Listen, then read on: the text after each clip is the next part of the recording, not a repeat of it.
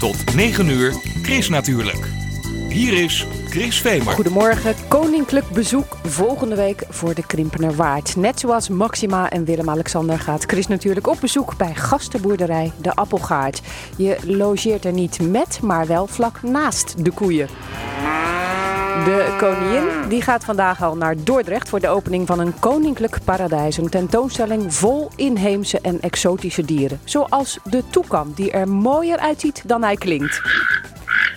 Fossiele jagers vandaag niet naar het strand, maar allemaal naar Rotterdam. Want het Natuurhistorisch Museum is op zoek naar fossiele botten van zeezoogdieren zoals de zeehond. Van zeehond naar zeespiegel. In zijn boek Spiegelzee onderzoekt geoloog Salomon Kronenberg de geschiedenis van de zeespiegel. Want de zee die heeft wel eens 6 meter hoger gestaan dan nu. En ook wel eens 120 meter lager. En altijd heeft de mens zich aangepast. Je hoort er meer over vandaag in... Chris natuurlijk, met Chris Vemer.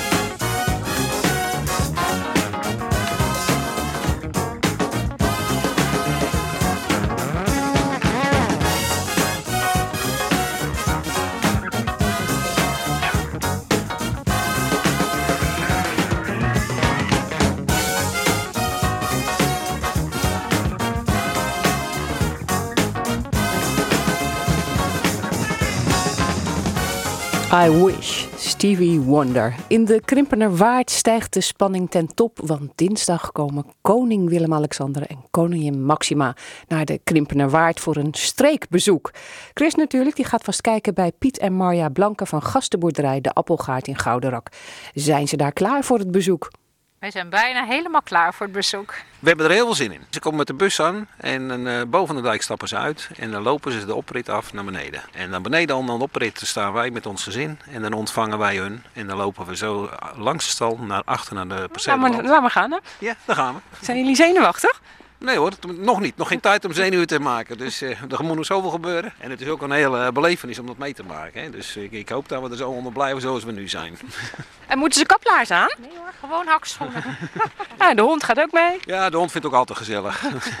Dus die zal ook wel meegaan dinsdag. Nou, dat weet ik nog niet. Kijk, er lopen er toch wel wat meer mensen op terf. En dan, eh, ja, hij is toch wat, wat blafferig soms. Hij bijt absoluut niet, maar voor de rust zal hem denk ik wel binnen doen even. Maar ik ben benieuwd. Zijn die gaan blaffen als, eh, als het koninklijk paar aankomt? Meestal doet hij dat wel, ja. Het is onze lopende deurbel. Hier gaan we staan en dan Ja. eh, ga ik wat vertellen over de natuurontwikkeling, zeg maar. Zoals de, de provincie dat voor heeft met, met boeren, zeg maar. Hier vandaan moet je dus, dan zie je in de verte een hoogspanningsmast. Zover is eigenlijk de bedoeling dat de natuur gerealiseerd gaat worden. Achterin, hè, dus over een kilometer zal er dus wat, wat eh, meer op natuur gestuurd worden. En het eerste kilometer zal ook nog combinatie van agrarische activiteiten blijven. En dan krijg je dus andere natuurdoelen als dat er nu zijn.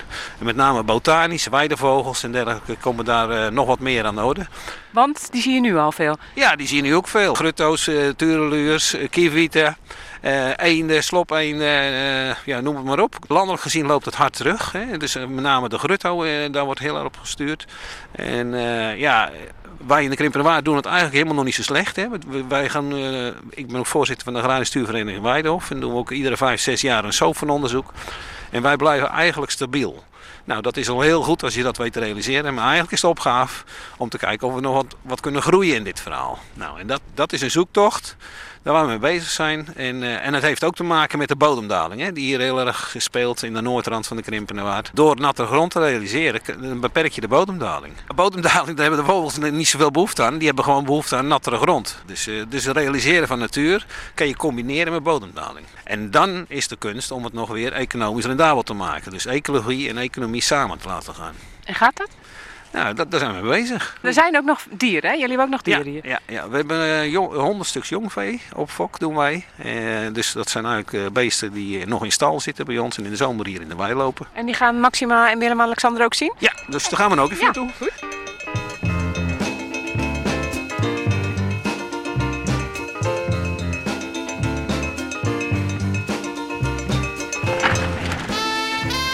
Zo.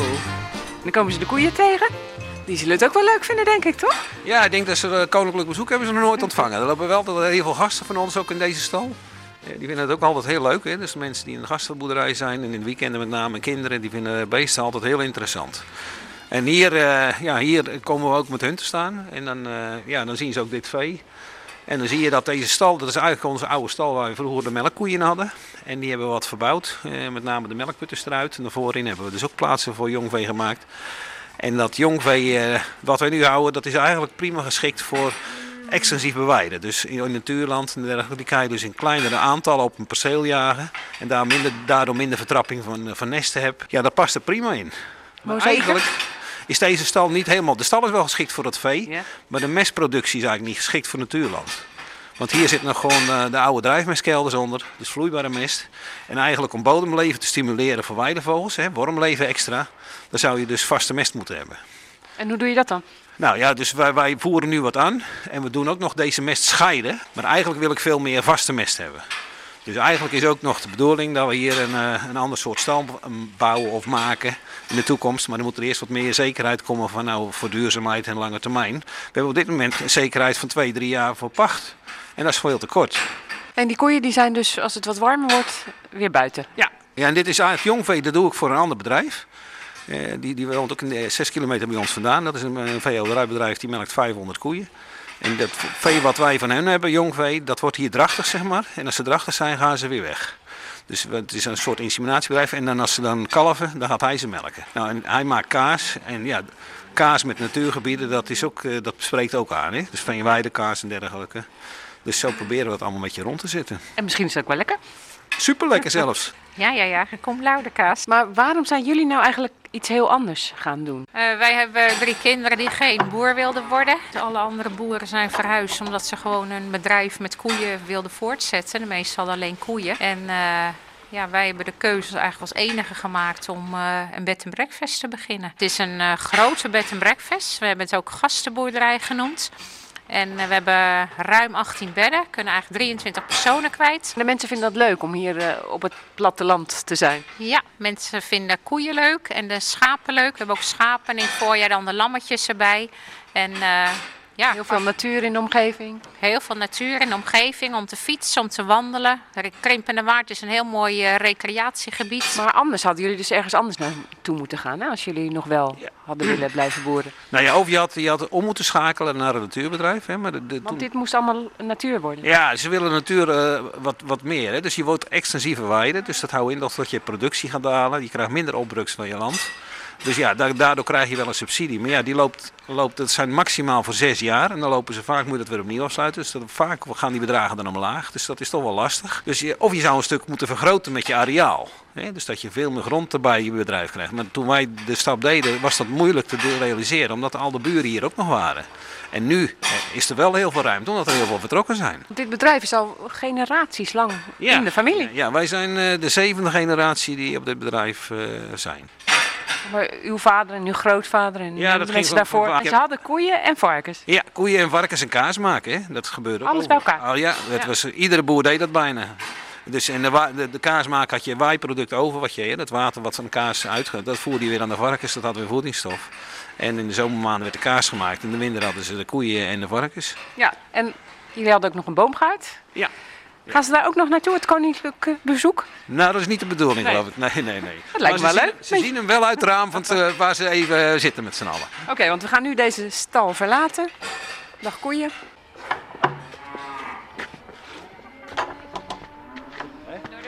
Ja, zal ik daar maar even doorgaan? Ik krijg mijn schoenen, er zit misschien wat aan je schoenen.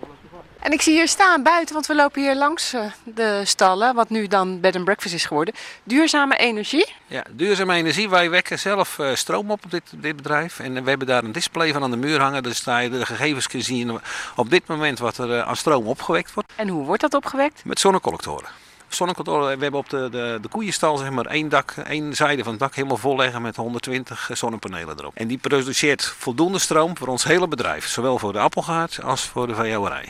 Dus we, zijn, we kopen niks geen stroom meer aan. Oh, nou, ook goedkoop. Ja, ja. Maar we moesten eerst investeren. Dus we hebben even nodig om dit eh, weer neutraal te krijgen. Totaal hebben we dus, eh, dat is het tweede tabelletje wat je ziet, hebben we dus bijna 90.000 kilowatt opgewekt in die jaren. En dat is eigenlijk omgerekend 62.000 eh, kilo CO2-reductie. Dat spreekt ons aan en ik denk ook heel veel mensen. Nou, dan heb je weer de koeien die even het een en ander eh, uitstoten. Ja, maar die moeten wel blijven. Want eh, kijk, als er geen, geen koeien meer zijn, dan hebben we ook geen natuur meer. En die produceren mest om de vruchtbaarheid te garanderen. Dus we hebben, het is een kringloop. Hè. Het zijn onderhouders. Hè. Er groeit gras en er moet afgegraasd worden. En de koeien die, die mesten in het land zelf. Hè. Dus daar krijg je weer vliegen op af. En het bodemleven blijft op gang. En daar genieten weidevogels weer van. Bijtjes en de bloemen natuurlijk. Ja, ja, alles. Ja. Laten we naar binnen gaan.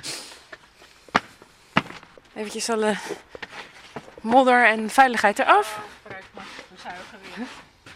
Wat is de favoriete kamer hier? Misschien toch wel de kamers die een beetje meer kijk, uitkijken op, op het groen en de natuur. Ja, dat zijn eigenlijk alle kamers. Je kijkt of op de hooiberg, of je kijkt op, de, op het gras of op de eh, boomgaard. Dus welk raam je ook kijkt, elke kamer heeft een raam. Dieren ook nog, een paar kippetjes daar. En dan eh, in de verte de vijver met de eenden. En een witte reiger zie ik nog buiten. En eh, gewone reigers hebben we. We hebben veel ganzen, we hebben zwanen hier.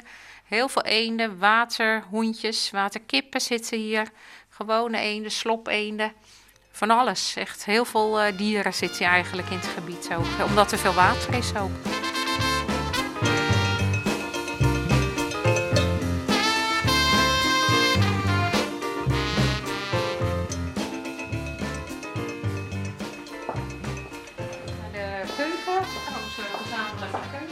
Hier krijgen ze dan een glaasje appelsap uit de boomgaard. Nou, waarschijnlijk eh, gewoon een glas water, denken we. Dat, dat wordt wel gemaakt hier, toch? Ik bedoel, jullie halen uit eh, de We boomgaard. hebben, eh, uit onze boomgaard. We hebben zelf een grote boomgaard met appels en perenbomen. Allerlei soorten appels, ook allerlei soorten peren. En dat wordt eh, vermaakt tot uh, appelperensap. Nou, het is twee jaar houdbaar, dus daar kunnen we ongeveer twee jaar mee doen. Maar meestal is het voor die tijd al op. En het gezelschap die krijgt nog iets mee hè, als ze weggaan? Ja, we geven nog een uh, streekproduct, een mandje of een plankje mee met een aantal strookproducten erop die hier dus specifiek in de Krimpenerwaard gemaakt worden. Kaas, nou de appelperensap niet te vergeten. Chocola nog. er wordt eigen bier gemaakt in het gebied, dus bier gaat ook mee. En geen cranberries? Nee, die groeien, ze zijn net geplant, dus die hebben nog niks opgeleverd. Want dat is ook nog een verhaal, hè? Ja, ja er is op dit moment ook een uh, 8 hectare in het natuurgebied. Hè? Dus dat is niet in het uh, gebied wat meer economisch uh, landbouw toegestaan is, maar echt in het natuurgebied is 8 hectare ingeplant met cranberries.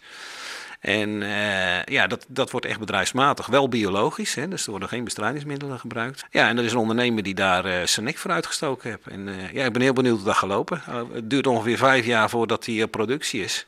Maar dat is juist omdat het, dat er veel water is hier. Ja, cranberries die moeten natte bodem hebben. Dus, dus nou, in een gebied waar echt natuur komt, daar schijnen ze heel goed te groeien. Nou, en dan kan je dus met cranberries, als dat echt aanslaat, een verdienmodel maken. Dus dan realiseer je natuur wat economisch misschien nog wel geld opbrengt. En dat is eigenlijk waar ook uw verhaal over gaat, hè? Ja, economisch, uh, economie en ecologie samen proberen te laten gaan. En duurzaam, dat is, dat is ook een gegeven. Het moet voor lange termijn dat het duurzaam ook uh, economisch rendabel is. En dan zou je dus niet heel de polder met cranberries gaan, gaan zien, want dat, daar, daar zie je ook gewijde vogel op. Maar het verstoort het project niet. Dus nou, het past in het geheel. En zo zijn er, uh, ja, er zijn andere verdienmodellen in ontwikkeling uh, waar proeven mee gedaan worden om kijken om die duurzaamheid te garanderen en economie en ecologie samen te laten gaan. En dan denk ik aan leesdotten, olifantengras en misschien zijn er nog wel een aantal producten. En daar worden proeven mee gedaan. En nogmaals, dat zal niet voor al de natuurgronden gelden, zeker niet zelfs. Maar voor een aantal percelen zou dat best eens interessant kunnen zijn. En ook voor weidevogels of andere soorten vogels die daar weer op afkomen. En dan, uh, ja, dan krijg je toch een gevarieerd beeld van een gebied. En dan denken we over, uh, over 10 of 15 jaar hebben we een economisch rendabel gebied wat er prachtig uitziet. Wat gaat u aan doen? Gaat u er prachtig uitzien dinsdag? Ik ben uh, lekker wezen shoppen en ik ga er heel mooi uitzien.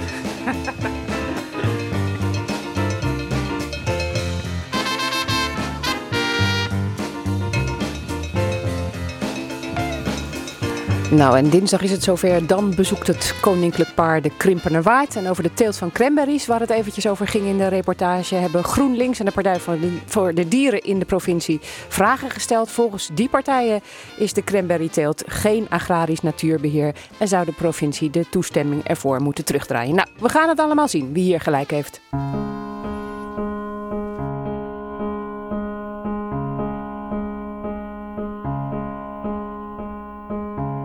Somebody said you got a new friend.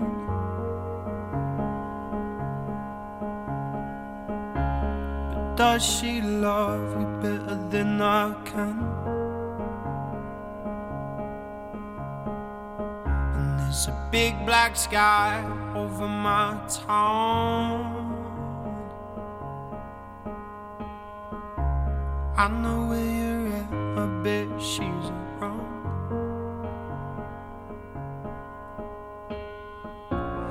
yeah, I know it's stupid, but I just gotta see it for myself.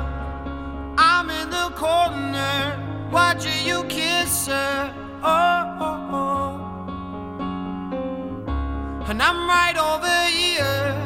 Why can't you see me? Oh, oh, oh.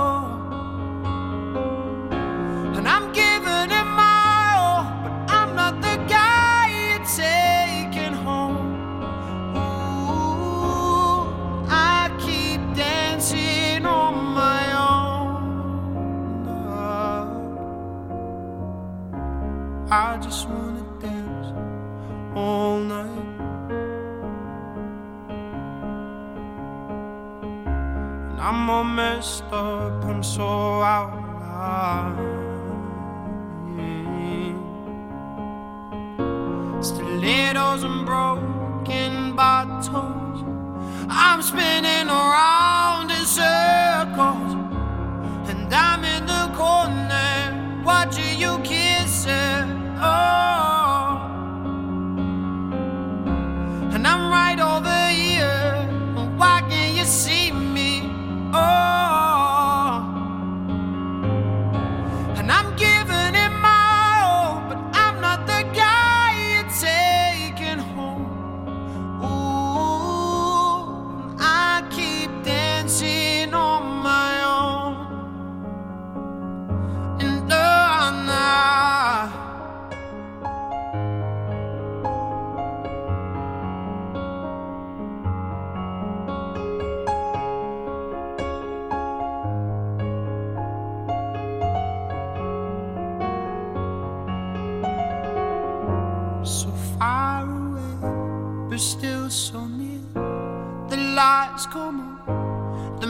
Music dies, but you don't see me standing here. I just came to say goodbye. I'm in the corner watching you kiss her.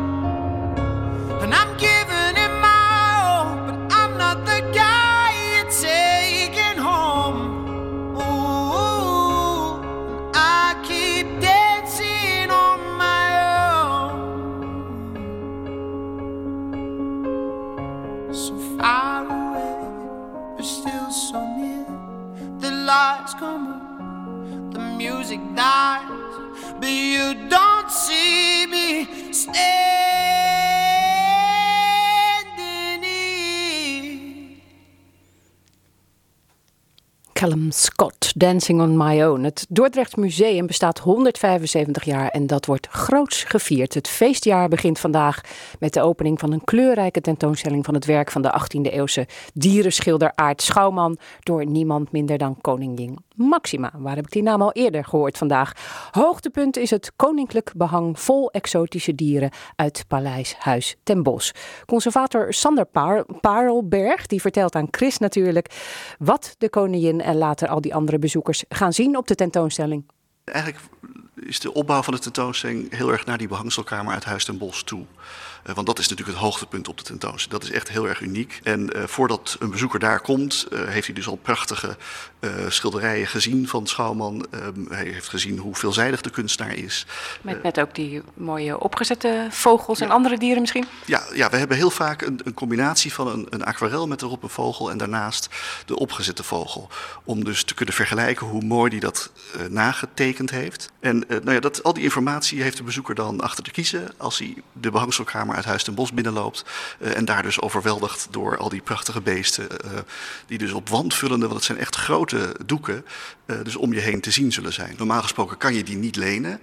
Ehm, maar omdat Huis ten Bos gerenoveerd wordt en helemaal opgeknapt wordt, is er nu een unieke mogelijkheid om die stukken te kunnen tonen in het Dordrechts Museum. En wat zien we daarop dan? Uh, dat is heel bijzonder. Dat is de, de menagerie, de dierentuin van prins Willem V. Alle dieren die hij had, um, die zijn door Schouwman vastgelegd. Uh, en dat varieert van een orang-oetang tot een, een uh, nou ja, allerlei herten, inheemse en exotische beesten. Heel veel vogels natuurlijk. Het was gemaakt oorspronkelijk voor het zogenaamde vogelkabinet. dat was in het stadhoudelijk kwartier, dus op het, op het Binnenhof in Den Haag. Uh, maar daar heeft het eigenlijk niet zo heel lang gezeten. Daar is het weer weggehaald in 1808. Uh, en pas veel later is het in Huis ten Bosch ingebouwd. Uh, en daar werd dat dus een, een, kamer vol met dieren. Eigenlijk een soort paradijselijke omgeving um, waar men kon eten. en straks na de tentoonstelling zal het daar natuurlijk ook weer heen gaan. En dan zal het ook weer verstopt worden voor iedereen. ja, dan zal het, als de koning daar weer gaat wonen, weer een privé eetsalon worden. Heb je zelf een favoriet schilderij van hem? Uh, meerdere eigenlijk. Uh, zijn vooral de aquarellen vind ik heel erg mooi.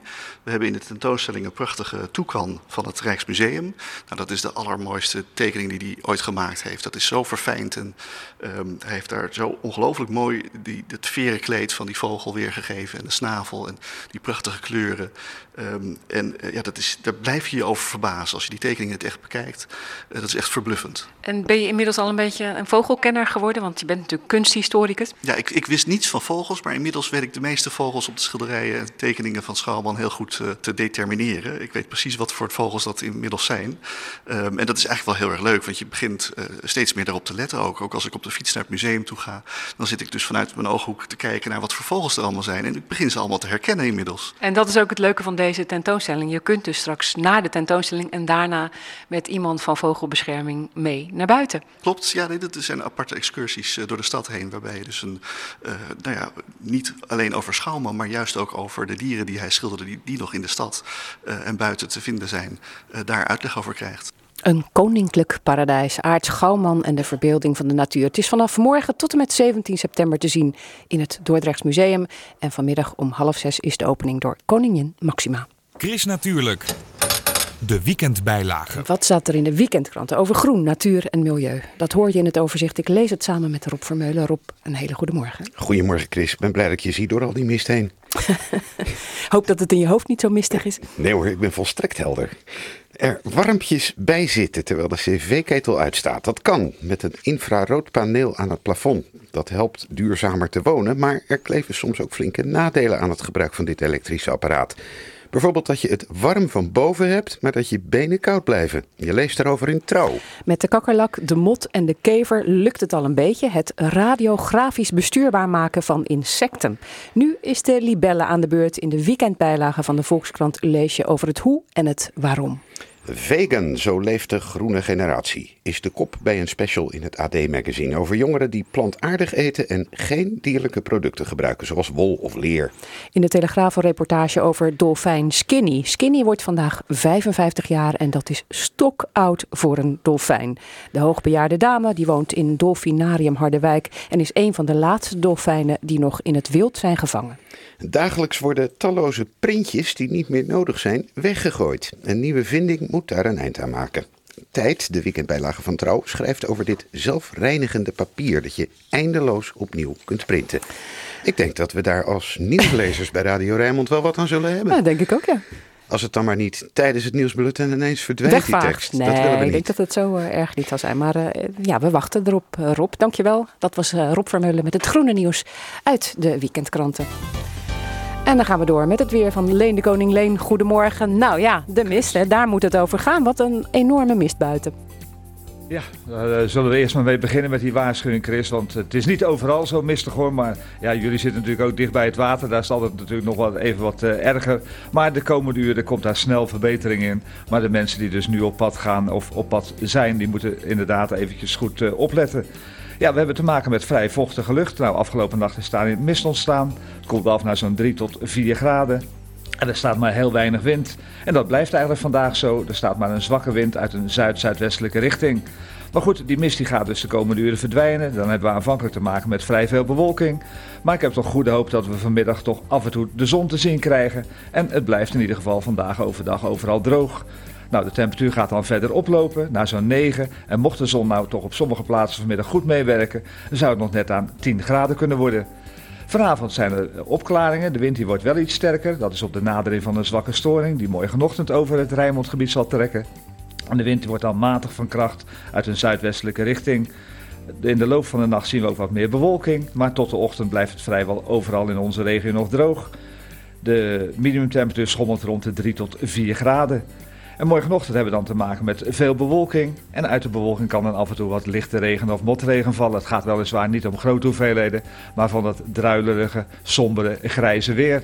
En de rest van de zondag zal toch overwegend bewolkt blijven. De kans op opklaring is niet al te groot. En de maximumtemperatuur vergelijken we met die van vandaag, een graad of 9. In de nacht van zondag op maandag dan wordt het uh, minder koud dan uh, afgelopen nacht en de komende nacht. We hebben dan veel bewolking, een matige wind uit een west-zuidwestelijke richting en de minimumtemperatuur schommelt dan rond een graad of 6. En maandag overdag opnieuw een vrij sombere grijze dag. Uit de bewolking kan hier en daar wat lichte regen vallen, maar het lijkt allemaal overdag mee te vallen. De meeste neerslag wordt pas in de nacht van maandag op dinsdag verwacht. En ook dan een hele zachte nacht met een minimumtemperatuur van een graad of 8. En maandag overdag kan het, ondanks dat er veel bewolking is en een vrij stevige wind uit west-zuidwestelijke richting, zo'n graad of 11 worden. Nou, dinsdag overdag meestal nog droog. Nog steeds een vrij stevige wind uit west-zuidwestelijke richting. En een maximumtemperatuur van een graad of 10. En dan vanaf woensdag, Chris, een paar herfstachtige dagen. Met veel wind. Met ook perioden met regen. En een maximumtemperatuur rond de 10 tot 11 graden. Kortom, we hebben weer de komende dagen van alles en nog wat. Leen, dankjewel. Fijn weekend. Hetzelfde.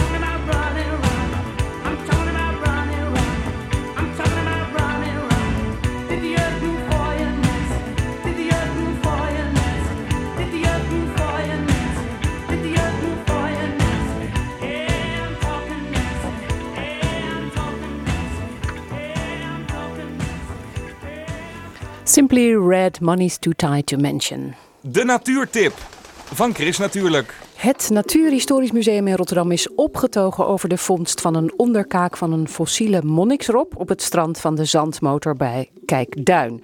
Zo opgetogen dat er vandaag zelfs een hele dag aan wordt gewijd, een determinatiedag fossiele zeehonden zeehonden. Maar Bram Langeveld van het Natuurhistorisch. Fossiele jagers die vinden op het strand bij de Zandmotor en de Tweede Maasvlakte toch vooral botten of kaken van landdieren. De meeste zijn inderdaad landdieren. Dat zijn uh, wolhaarige mammoet, wolhaarige neushoorns en dergelijke. Maar af en toe zit er ook een zeezoogdier bij. Denk aan een walrus of een, uh, een zadelrop of een ringelrop. Echte uh, arctische zeezoogdieren eigenlijk. En um, de wetenschappers zijn nog niet allemaal helemaal eens met elkaar. Er zijn verschillende ideeën, maar een van de, uh, de best passende ideeën is dat we dat landschap um, niet heel erg zwart-wit moeten zien. Hè. Het is niet zo dat land en zee altijd helemaal gescheiden zijn. Je kan erover denken dat het landschap een, uh, een grote grazige mammoetsteppen was, met rivieren die er daardoor heen stroomden. En dan af en toe zwemt is zo'n zeezoogdier een rivier op. Dat weten we van beluga's, die we ook fossiel hier vinden. Um, die dat nu in Alaska doen. Die zwemmen kilometers uh, zoet water in af en toe. Bijvoorbeeld om, uh, om te vervellen, om hun huid schoon te krijgen van parasieten. Dat doen ze. Dus ja, dat zou ook best 50.000 jaar geleden het geval kunnen zijn geweest. Maar dan toch zijn jullie heel blij met deze monniksropkaak. Waarom? Nou, precies. Die, die monnikschop, uh, die maakt het nog weer een stapje complexer. Want de monnikschop is nu eigenlijk een beest... We kennen hem uit, uh, uit de Middellandse Zee. We kennen hem voor de kust van West-Afrika, maar niet noordelijker. Het is echt een warmwaterbeest. Terwijl die wel ongeveer even oud is als die andere zeezoogdieren. Dus dat is heel erg vreemd. We hebben dus een warmwaterbeest in een absolute ijstijdperiode. Ja, dus misschien moeten we dat eventjes schetsen. Hoe zag het er toen dan uit hier uh, in Nederland en hier voor de Zuid-Hollandse kust? Nou, het was een, een grote grazige vlakte. Daar komt het eigenlijk op neer. Hè. De, Noordzee lag dus in die zin droog. Het was niet zoals we het nu hebben, een, een volledige zee. Er groeiden bijvoorbeeld ook geen bomen of nauwelijks bomen. Het was veel te koud daarvoor en in veel gevallen ook wat te droog. De fauna die we zagen waren dus wolhaarige mammoeten, wolhaarige neushoorns, maar ook grotte leeuwen die die beesten bejaagden. En heel belangrijk, daardoorheen stroomde de Oerrijn en de Oermaas als een gigantische delta, echt um, vele malen groter dan nu. Ook van een heel ander riviertype met natuurlijk in de lente een enorme piekafvoer van smeltwater. Ja, en in die rivieren, daar zit nu in dit geval het, het, het idee van, hebben daar die zeezoogdieren in rondgezwommen? Hè? Ja, zoals dus deze monniksrop, die normaal altijd van warm water houdt. Ja, zoals die monniksrop. Hè. En daar, daar, gaat het, daar wordt het verhaal complex, want dat is toch wel heel erg vreemd. En um, ja, hoe we dat moeten verklaren, dat weten we nog niet. Dat is eigenlijk een van de grote, uh, grote redenen dat we vandaag deze ja, determinatiebijeenkomst organiseren. Dat stukje kaak wat we hier zien, hè, zullen we daar eens even naar kijken, dat is trouwens nep. Dat is een afgietsel. Precies, ja. Ik, ik pak hem er even bij. Um, ja, dit is een afgietsel van de kaak.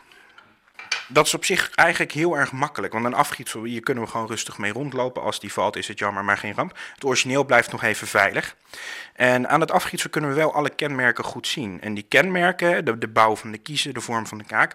dat is uiteindelijk wat, dit, uh, nee, wat de aanleiding voor vandaag vormde. Want dat zit namelijk als volgt. Um, Rudy Vermeer vond dit stuk dus op het strand van de zandmotor. En uh, hij herkende het als, hé, hey, dat is iets vreemds. Maar hij wist niet precies wat. Dus hij zocht contact met onze onderzoekers, Dick Mol en Klaas Post. En die herkenden dat direct als een zeehond. Maar welke zeehond? Dat wisten ze dus niet. Want dit is dus niet een van die Arctische zeehonden. Het is ook niet een van de soorten, de grijze of de gewone zeehond die tegenwoordig in de Noordzee voorkomt. Maar hij heeft een hele rare vorm. Die kiezen zijn heel erg plomp gebouwd en ze zijn heel erg, ja, eigenlijk primitief. En dat heeft dus de nodige hoofdbrekers opgeleverd. Maar uiteindelijk konden ze gaan vergelijken uh, in het Koninklijk Belgische Instituut voor Natuurwetenschap, eigenlijk het Natuurhistorisch van Brussel, samen met Leonard de Wale, kenner op dit gebied. En met z'n drie kwamen ze eruit, dit moet een monniksrop zijn. Zo is het eigenlijk gegaan, aan de hand van dit afgietsel. Ja, en dan? Dan gaan de harten sneller kloppen? Jazeker, ja, natuurlijk, want dat is een hele nieuwe ontdekking. En dat is eigenlijk het spannende in paleontologie, dus een onderzoek aan fossielen, zijn juist dat soort ontdekkingen. Uh, iets wat je niet verwacht, ja, dat heb je opeens. En dan alle vragen die dat oproept. Want we hebben dus een warm beest in een ijstijd, een zeebeest in een toch met name uh, ja, droog landschap.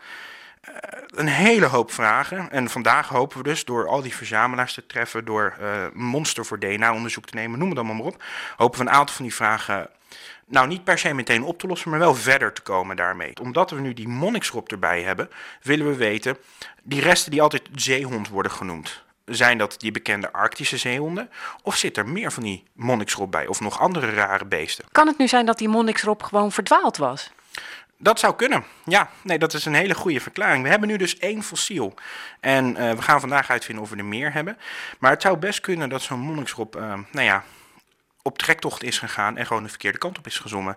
Net zoals dat nu bij uh, soms met walrussen voorkomt. Hè. We hebben heel af en toe nog een walrus in onze Noordzee. Ja, die hoort hier ook helemaal niet. Maar die komt vanuit het noorden en is de verkeerde kant op gegaan. Het zou kunnen. Ja, en dan maakt het gelijk een stuk minder interessant alles. Nou ja, of dat dan minder interessant is, weet ik niet. Want uh, het feit dat hij, uh, stel dat het zo'n zo'n uh, verdwaald beest is, dan is het op zich wel goed om vast te leggen dat dat kan. Dat hij dus in het verleden verdwaald is. Maar eigenlijk hoop je het niet. Nou ja, dat, dat gaan we zien vandaag. Ik, ik hoop op zich niks. Ik ben gewoon heel benieuwd. Um, en we gaan kijken of we meer van die, van die resten vinden. Kans is natuurlijk klein, maar ja, we gaan het vandaag uitvinden. Vandaag in Rotterdam de determinatiedag fossiele zeehonden in het Natuurhistorisch Museum. Yeah.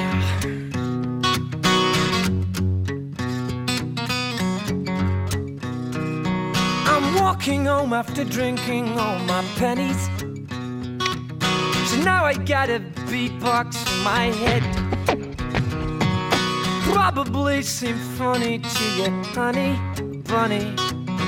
Well, it ain't, so when I'm home, I'm going straight to bed.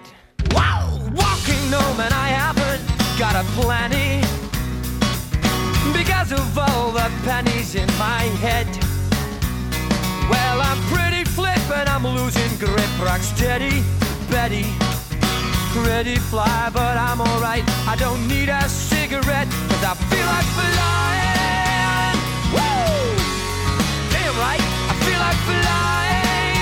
I got a my head and I feel like flying. Oh, I feel like flying. I told a girl her name was pretty silly. She spit me in the face and stole my chair. Hell, I just grinned and I said my name was silly, looking Billy. After that, my memory kinda stopped right there.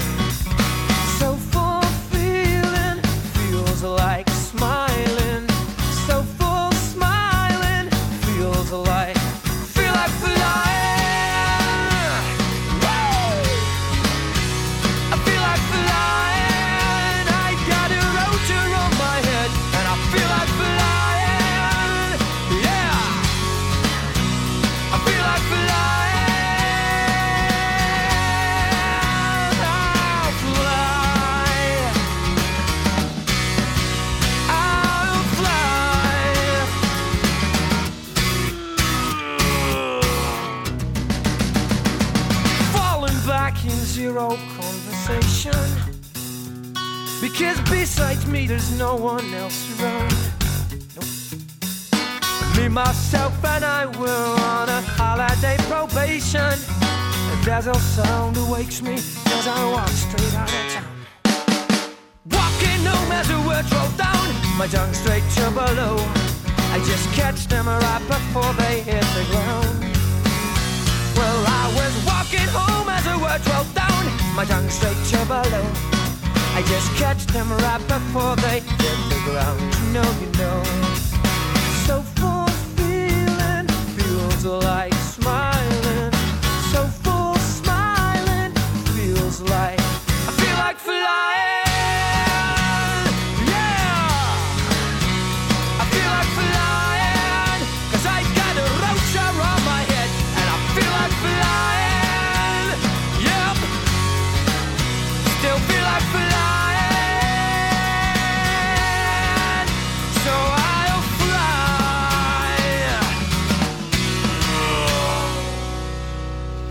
Raccoon, Feel Like Flying. Chris natuurlijk.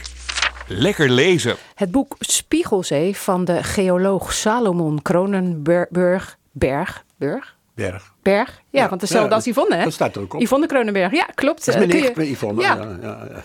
Eh, dat- dat kun je gewoon in bed lezen, dat boek. Want eh, dit is nu eens geen boek over het klimaat en de zeespiegel... waar je slapeloze nachten van krijgt. Integendeel, het is een heel optimistisch boek. Salomon Kronenberg is hierover om erover te vertellen.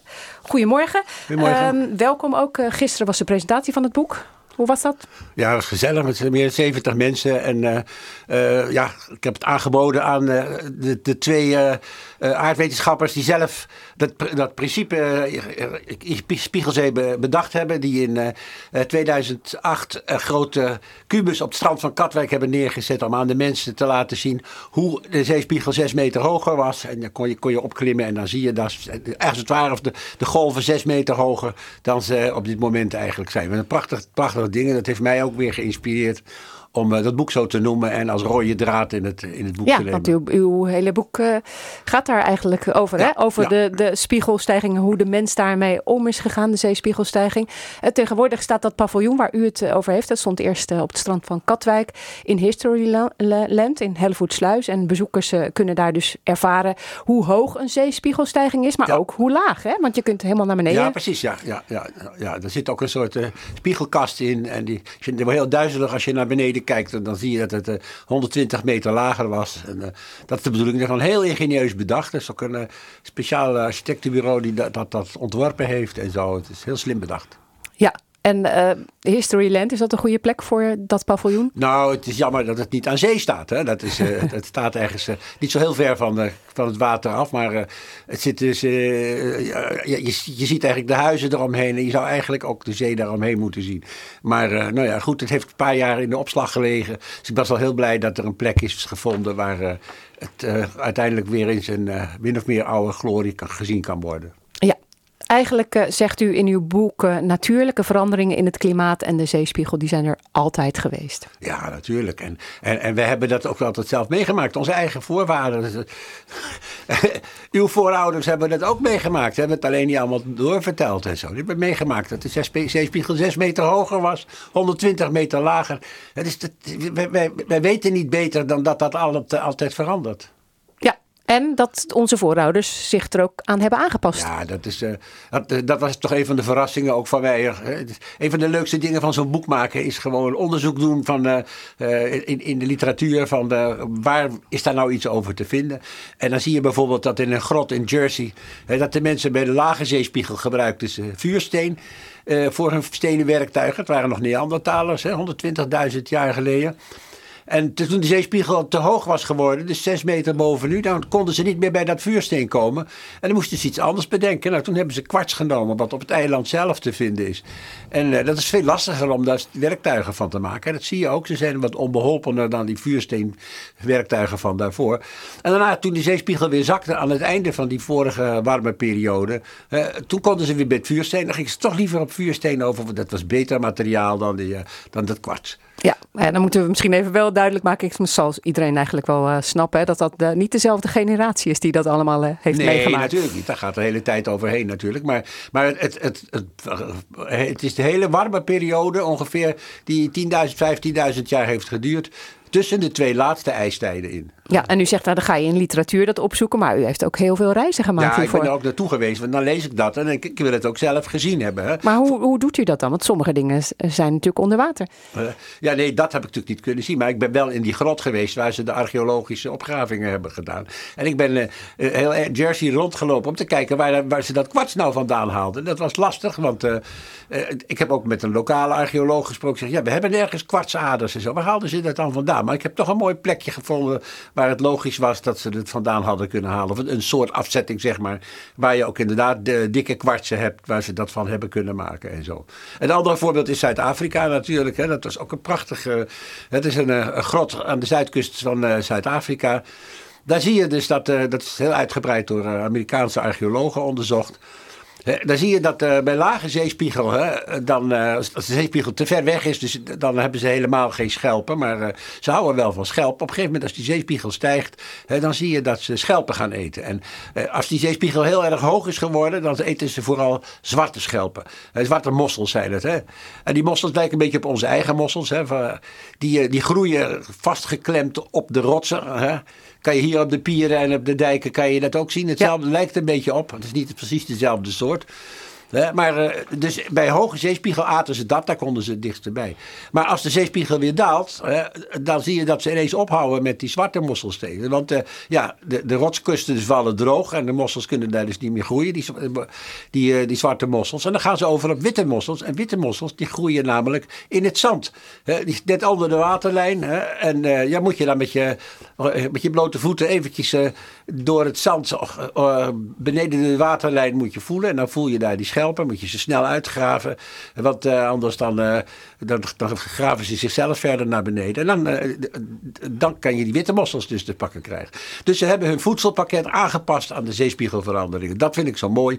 En dat betekent voor mij, van, ja, als mensen 120.000 jaar geleden dat konden, dan vraag ik me af, waarom kunnen wij dat dan zelf ook niet? Een beetje aanpassen aan de veranderingen. Ja, want die zeespiegel die gaat weer stijgen, of niet? Ja, hij stijgt al heel lang. Ja. Hè? Sinds de laatste ijstijd hè, dus is hij dus 120 meter gestegen. In het begin ging dat behoorlijk hard. Hè? In bepaalde momenten zelfs 20 keer zo hard als nu. Maar nu is, gaat die zeespiegelstijging ongeveer in de orde van grootte van, uh, van 20 centimeter per eeuw. Hè. Dat, is, uh, dus, dat is wat we meten. Dat alle pijlschalen in Nederland meten alle pijlschalen rond de, rond de Noordzee, Amerika, Australië. we zien dus dat is 20 centimeter per eeuw. dat is de, de snelheid waarmee op dit moment de zeespiegel aan het stijgen is. Ja. En dan uh, zeggen wij uh, mensen die temperatuurstijging hebben, dat komt daar natuurlijk uh, ook door. dat, dat komt door de uitlaatgassen van vliegtuigen, van auto's, fabrieken, koeien ook niet te vergeten. Maar u denkt daar anders over? Nou, kijk, het is zo. Uh, wij, uh, wij hebben, dat is niemand die dat betwijfelt. Wij hebben ongelooflijke hoeveelheid extra CO2 in de atmosfeer gebracht. En de, de koeien, de methaan en zo. Hè, dus dat zijn allemaal broeikasgassen. En broeikasgassen die houden de warmte vast die de aarde uitstraalt. Dus op zich is het principe heel logisch dat dat zo is. En als je gaat kijken, dan zie je dus dat die uitstoot van broeikasgassen ook enorm sneller is gegaan na de Tweede Wereldoorlog. En uh, we meten dat ook heel precies sinds 1958. Uh, maar het gekke is dat je die zeespiegelstijging helemaal niet sneller ziet gaan. Hè? Die is vanaf het eind van de 19e eeuw tot nu is hij steeds 20 centimeter per, eh, per, eeuw. En hij is dus niet sneller gegaan. En dat vind ik zo vermerkwaardig. Als dat CO2 zo belangrijk zou zijn, dan zou je verwachten dat hij dus op het moment dat die CO2 sneller uitgestoten wordt, dat die zeespiegel ook sneller gaat stijgen. En je ziet het niet. Het is gewoon niet aan te tonen. Deltaris, hè, dat is dus de, zeg maar de afgesplitste onderzoekspoot van, uh, van Rijkswaterstaat. Hè, die heeft daar heel nauwkeurig onderzoek gedaan. Die heeft in alle Nederlandse pijlschalen van dag tot dag, van maand tot maand, van jaar tot jaar, heeft hij dus die lange reeksen vanaf 1880 ongeveer, van het moment dat we goede pijlschalen hebben tot nu, hebben die dat uh, onderzocht. En die zeggen van ja, uh, we kunnen het niet zien. Oké, maar dus dan kunnen we weer lekker met de auto, met het vliegtuig en lekker veel vlees eten, allemaal CO2 ik, ik, denk dat, dat het broeikaseffect van CO2 is onmiskenbaar. Dat, maar ik denk dat het effect daarvan relatief meevalt, dat het niet zo sterk is als waar wij voor worden gewaarschuwd. Ik vind wel dat we niettemin zuinig moeten zijn met energie. Over moeten gaan op duurzame vormen van energie. Hè. Ik zeg niet van uh, uh, stook maar raak enzovoorts. En, uh, en, en ik, ik vind juist, we moeten overgaan tot met name zonne-energie. Hè, want alle andere windenergie is ook maar een soort afgeleide van zonne-energie. Dat, dat is de, de krachtigste bron. dus ik vind dat je dat wel moet doen. En die fossiele brandstoffen. Maar waarom dan, als het toch niet uitmaakt volgens u? nou, kijk, die fossiele brandstoffen. Ik noem ze eigenlijk geen fossiele brandstoffen meer. Hè. Ik, ik noem ze fossiele grondstoffen. Hè. Want 15% van onze fossiele grondstoffen. die worden voor iets anders gebruikt. Hè. Die worden gebruikt voor. Uh, uh, nou, zeg maar skateboards en, en, en pleisters. En, uh, en, en, slangetjes van de dokter om te kijken of je hart het nog wel doet. En, uh, en, en, Lego-blokjes, hè. er stond laatst in de krant. Onze Lego-blokjes zijn van olie gemaakt en zo. En uh, nou, uh, alle plastics, alle kunststoffen die we gebruiken, die zijn zo belangrijk voor ons. Dat willen we ook overlaten aan toekomstige generaties. Hè. Het zou zonde zijn hè, als toekomstige generaties niet eens meer olie en gas hadden om zonnepanelen van te maken. Die organische zonnepanelen waar we naartoe zijn. Dus je moet denk ik, het, het domste wat je met die fossiele grondstoffen kan doen is ze te verbranden. Hè. Beschouw ze als waardevolle metalen bijvoorbeeld. Waar we dan, waar we dan zuinig op moeten zijn. En, en, u zegt dus, ja, de mensen heeft zich uh, lang, lang geleden al aangepast. Dus uh, wij in deze moderne tijd kunnen dat misschien nog veel beter uh, straks als die zeespiegel stijgt. Jazeker, ja, ja, ja. Nou, je leest er meer over en vooral dus over die geschiedenis, hoe de mens daarmee om is gegaan in Spiegelzee van Salomon Kronenberg. En het boek is uitgegeven bij Atlas Contact. Er is één luisteraar die dit boek kan winnen. Bel 010 436 4436, dan maak je kans. En daarmee zijn we aan het einde gekomen van Chris natuurlijk. Een programma van Chris Vemer, Vincent van Delft, Danielle Koren en Roeland Kuppers. Die werkte mee vandaag. Volgende week in Chris natuurlijk Vogels en de Liefde. En straks muziek voor volwassenen en Johan Fijn weekend.